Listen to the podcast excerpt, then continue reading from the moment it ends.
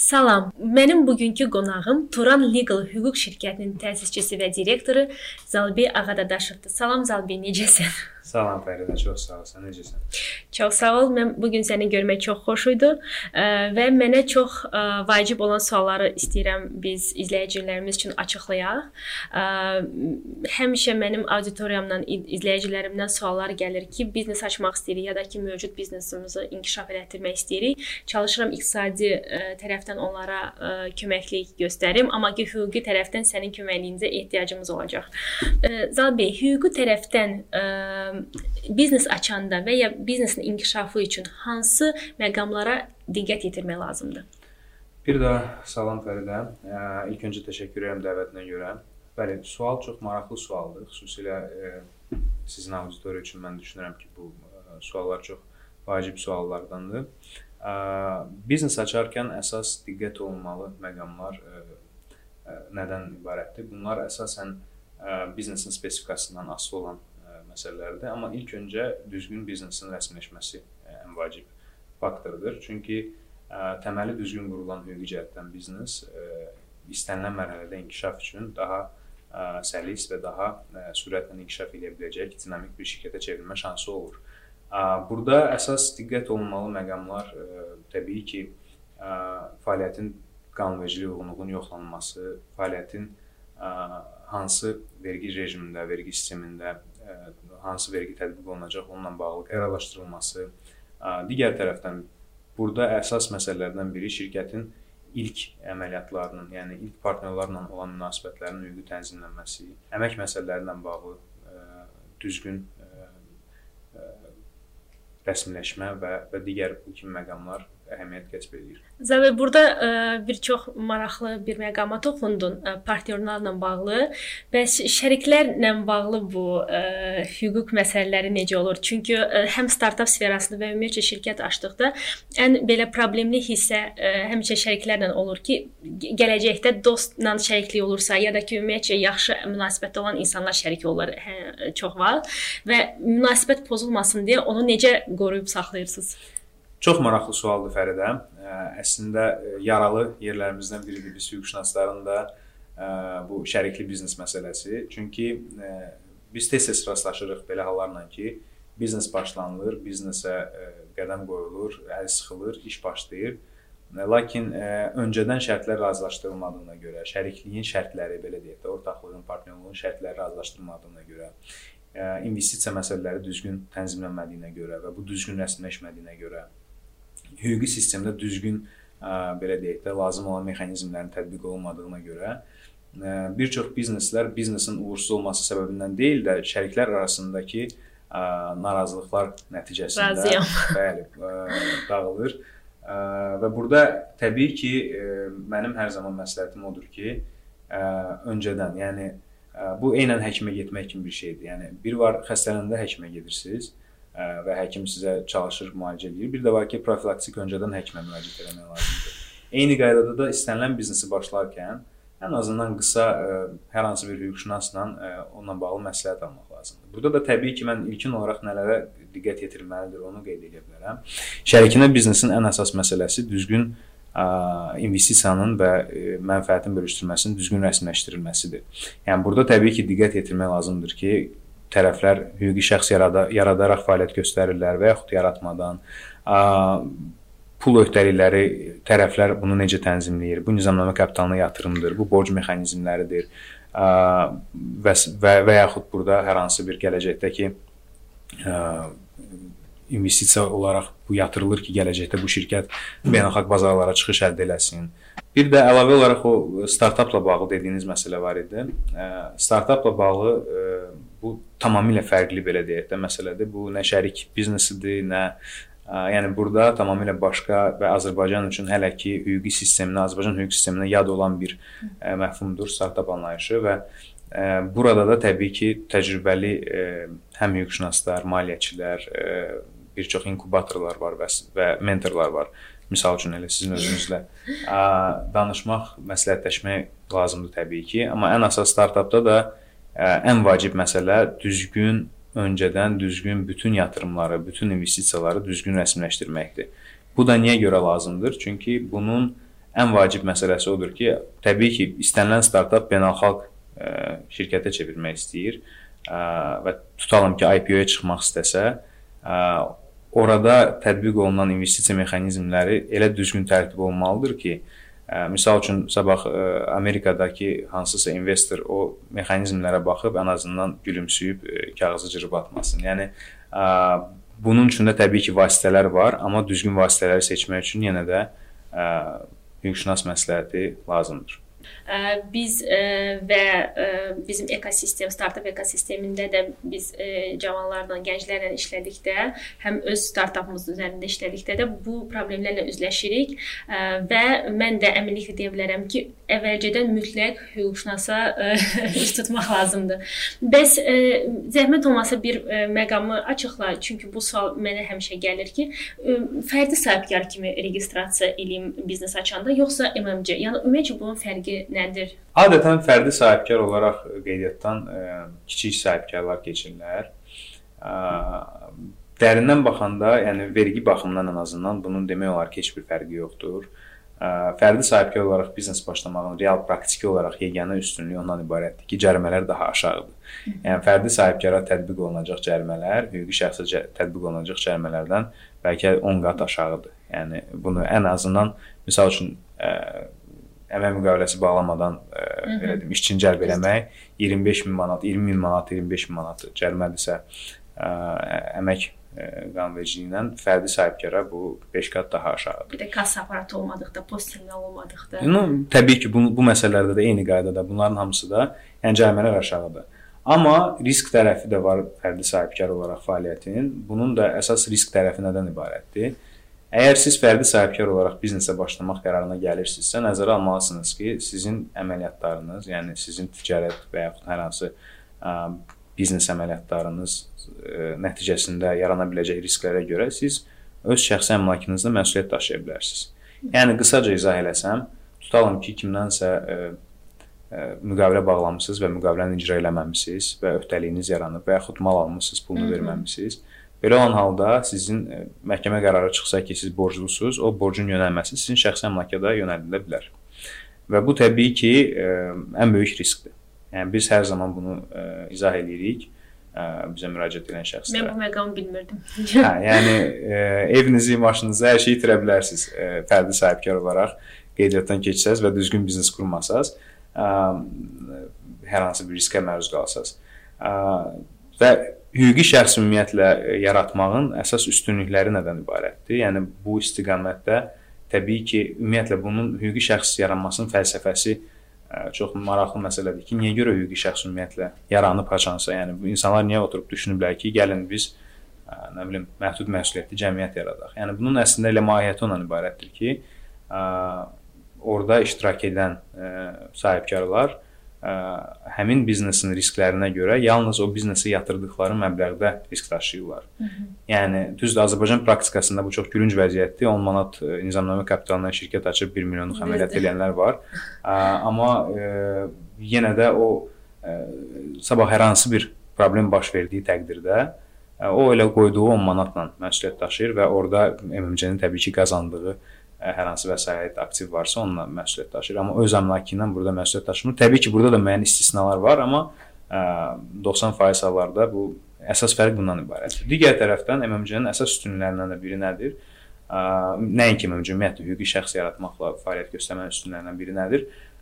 O maliyyə mexanizmlərinə, maliyyə institutlarına əl çatanlıq. Yəni banklar daha çox ürəklə ə, hüquqi şəxs olaraq yaranan bizneslərə kredit verməyə, can atırlar. İnvestorlar eyni qaydada. Yəni fərdi sahibkar olaraq siz yaratdığınız biznesi satmaqda çox böyük çətinliklər yaşayacaqsınız. Amma hüquqi şəxs yaradaraq o biznesə məsəl üçün investisiya gətirmək istəyirsiniz, pul gətirmək istəyirsinizsə, bu daha asan olacaq.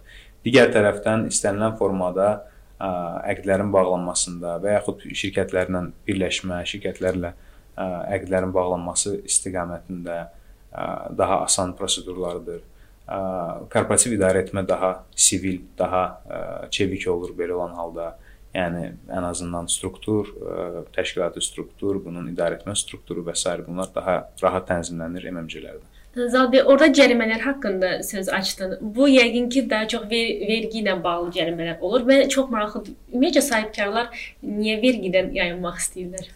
Ə, yəni bunun bir çox səbəbi var. Deməzdim ki, sahibkarlar e, tam da hamısı yayınmaq istəyir. Yəni ən azı mənim tanıdıqlarımın çoxusu vergilərini vaxt-vaxtında ödəməyə üstünlük e, verirlər.